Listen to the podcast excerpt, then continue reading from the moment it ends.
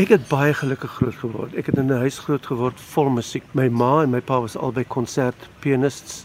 My suster is 'n pianis. Ek het my dinkie toys gehad in die tuin gespeel en my my beste vriend was Sunny Abada van die Kaapse vlakte. Sy was daar soos my Kaapse vlakte ma. En die wêreld was veilig in Pinelands. Toe ek later my vriende nou na hulle huis ge, geneem het en hulle was in Langa. Het ons altyd vir mekaar gesê we are separated by a fence, a train line and apartheid, mm. a million miles away from each other. Maar ek het groot geword sonder politiek. Daar was nie politiek in ons huis nie want my pa het gesê se vuil ding ons praat dit nie hier nie. Sy neef was Dr. Deef Malan. Baie interessante amok wat ek gemaak het in die familie toe ek begin grappe maak oor hulle en ek sê grappe in inverted commas want jy weet daar was niks snaaks oor daai tyd nie. Ek het gelees, ek was baie op my eie. Op skool was ek altyd die kleinste in die klas. Daar was altyd die die die groot die groot seuns het altyd vir my sê, "Ey, jy bliksem en vir in my broek afgetrek, my broek in die boom gegooi." En daar loop ek toe met my onderbroek in die klas en die kinders het gelag. Miskien het dit daar begin. Want ek het geweet as ek probeer terugbeklei, gaan hulle my donder want dit is groter as ek. As ek hulle laat lag, dan kan ek weghardloop en wegkruip in die meisie se toilet, jy weet. So dis wat gebeur het. So eintlik op 'n manier het dit begin waar ander mense sou sê dis boelery, het jy net dit vir jouself vrolik gemaak. Boelery is 'n moderne woord. Né? Nee? Gender-based violence is 'n moderne woord. Mense is deur terrible dinge want dit was die gewoonte. Dit is hoe dit is. Ons is soos ons is. Wel, ek is baie bly dit is nie meer soos ons is nie, maar ons is soms net soos ons is. So ja, die boelie, ag dit was nie 'n probleem nie, jy weet dit was vir my ehm um, ehm um, ek het gesing in my pa se koor, ons het ons het in kerk gesing, ons het vir dokter Verwoerd gesing, ons het vir hom die stem gesing. Ek het nog in die perron in my museumpie die briewe van tannie Betsy Verwoerd wat sê ag, hy het dit so geniet Pietertjie, jou pragtige stem, die stem van Suid-Afrika nog. Ja, jy weet en eh, maar toe vind ek ook 'n prent van 'n pragtige Italiaanse filmster in die Stage and Cinema magazines. Dit is Sofia Loren en ek sit die prent van Sofia op my muur langs Hendrik Verwoerd. Volgende dag val Hendrik Verwoerd van die muur af. So Sofia het my lewe gered. Ek was ek was oorspronklik voorgestel om te gaan na 'n uh, 'n kamp buite Potchefstroom waar hulle trokke regmaak en ek dog Nee, darling. I'm not I'm sorry. En toe skryf ek vir oom PW Botha. Hy was minister van verdediging. Want sy kinders het ook in my pa se koor gesing. En sê oom PW, ek wil graag na die vloot gaan. En hy het vir my toe in die vloot gesit. Sê, maar ek het in die vloot is ek daar skielik jong, wit, basies Afrikaanse seuns van my ouderdom ontmoet van 'n ander wêreld. Arme mense. Um kaalvoet seuns. Dit was 'n geweldige aanpassing vir my en ek was hoe oud was ek toe? Ek was 18, 18. So ek was nie meer babatjie nie. Skielik onbewus te raak van ander ander soort mense. En ek het ook vir hulle aan die lag gekry. Anyway, toe gaan ek universiteit toe en dit daar het ek ek het gegaan om ek wou onderwyser word by UCT. Mm. My pa het gesê, "Nee, nee, nee, jy moet dit met Stellenbosch toe gaan." En ek wou nie. Uh, toe sê ek vir pa, "Maar pa, dan moet ek na Koshuis gaan en dit gaan geld kos." Ons gaan maar liewer na UCT en kom slaap by die huis. In plaas van in te skryf vir BA onderwys, sien ek 'n meisiekind in die kantien met 'n beret en 'n sigarethouer en sê was daar by UCT om ook nou 'n kursus te doen in drama. Het ek skryf in vir BA drama. My pa het nie met my gepraat vir 'n maand nie. My my ma was van Berlyn in in Duitsland. Sy het hier uitgekom in 36 net betyds. Sy was ook 'n Jodin. Ons het oors eers uitgevind nadat sy dood is. How's that for denial, ja. né? Maar sy was altyd vir my gesê, toe Tessie en ek na die kunswedstryd elke keer elke jaar gegaan vir die English State vir any kunswedstryd het maar altyd vir ons gesê come come come and enjoy yourself. Have a wonderful time. And remember if you win you get an ice cream. If you don't win you get two ice creams. How's that for a philosophy of life for a kind ja. Jy weet jy jy iets wen okay maar as jy dit nie wen nie jy het verloor niks. It's not you don't lose. Somebody else just won. En jou man was natuurlik Engels mos van sy Duits. Afrikaans wonderlik vlot gepraat en met met daai Duitse aksent. As jy net terugdink, dan daar's heimwee. Jy het goeie herinneringe. Sy's miskien nie uh, dood op 'n manier wat wat vir jou in jou hart okay is nie. Al daai dinge. Ja ja, ek het nie weer met nie. Ek vier hulle. Jy weet, ek is lekker om oor hulle te praat, maar hulle is beslis uh on my side. Het jy baie vasgesit jy en jou pa? Ons het nie vasgesit nie. Ons het ons het nie gepraat nie. Dis die ding. Vassit is okay, maar om oor niks te praat nie. En uiteindelik was ek op my eie.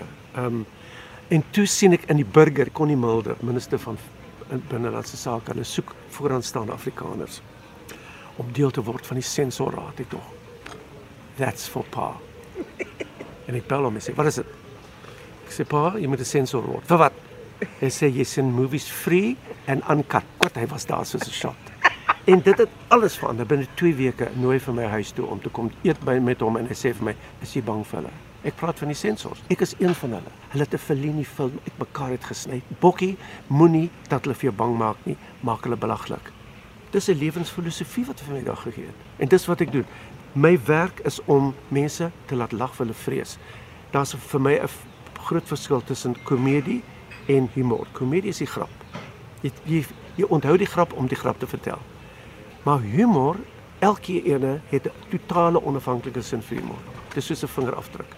Maar as ek jou kan vra Pieter Dirk, is jy bang vir niemand nie? Vir wat? Maar in die, in die politiek, ek was nie bang vir hulle destyds nie. Ek is nie bang. En Evita het my ontsaglik gehelp. Sy het my lewe gered. Piet Koornhof vir my dis het gesê. Jy weet Pieter, jy, jy weet. Maar jy weet wat sy nou. Ons is so bang vir ons gaan nie aan jou vat nie. En, maar hy was 'n fan. Dit was ook bad for business. Ek maak hom belaglik. Hy lag die hardste van almal. Hoe het sy gegroei? Evita het gegroei omdat mense gedink in die begin was sy very much amper drag queen. Jy weet groot skoene en dit was wat het ek om terug op te op terug te val. Jy weet dit's tien wet om vrouklere te dra so I'm breaking the law. Mense het gesê if you were in a play you could do it but you are not you're in a review so you're breaking the law. Ek dink okay. Okay. Gaan ek nou vir haar doen as dit so tatrata grappe vertel, gaan sy poep grappe vertel? Nee. En mense het gevra, hierdie vrou het het sy man. Ja, wat is haar van? Barry Houg. Die ou wonderlike Barry Houg wat in 'n rapport gesê vir my, wat is haar van? Ek kyk agter langs sy kop is daar 'n ding op die muur, 'n poster van 'n play. Aletta beside note in the seagull. Ek sê beside note. Dis waar haar naam vandaan kom. Watter jaar was daai? 1981. Toe ek my eerste one man show doen, Adapt or Die. Ek, en inderdaad ek al die politici en ons doen dit late night, 11:30 at night.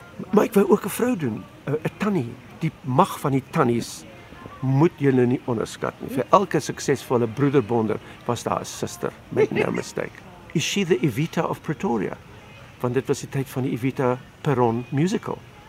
En ek kry toe 'n boek oor Evita Perron en ek lees oor hierdie meisie van die platteland wat stad toe gaan en sy word 'n filmster en sy trou 'n man en word magtig. En dit is waar die Evita Besuidnout legende haar, sy voete gekry het. En die tuisland was natuurlik 'n gift, agt dele van 'n tuisland in Wit Suid-Afrika.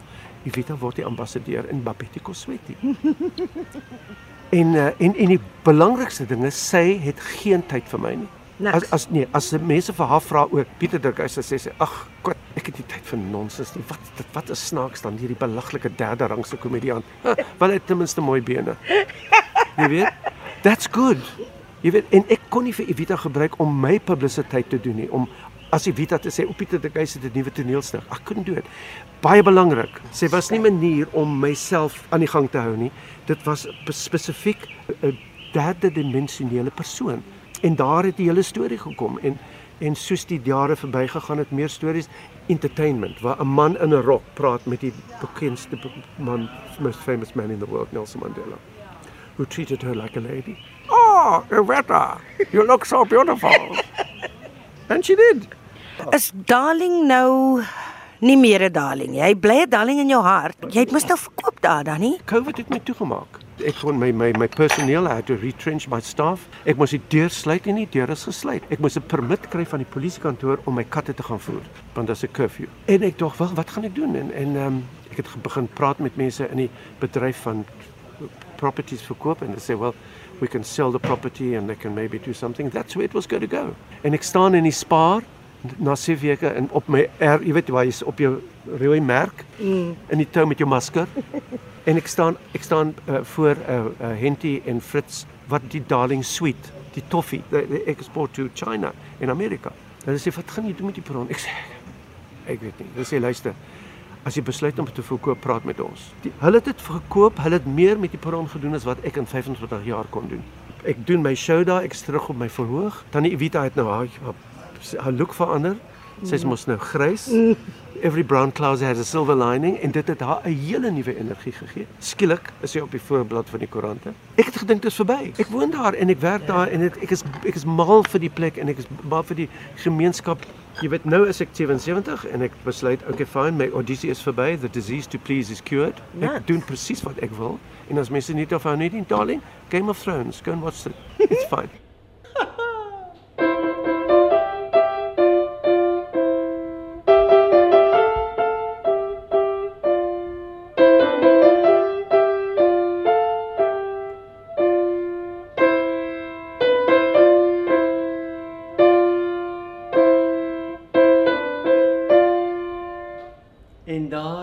En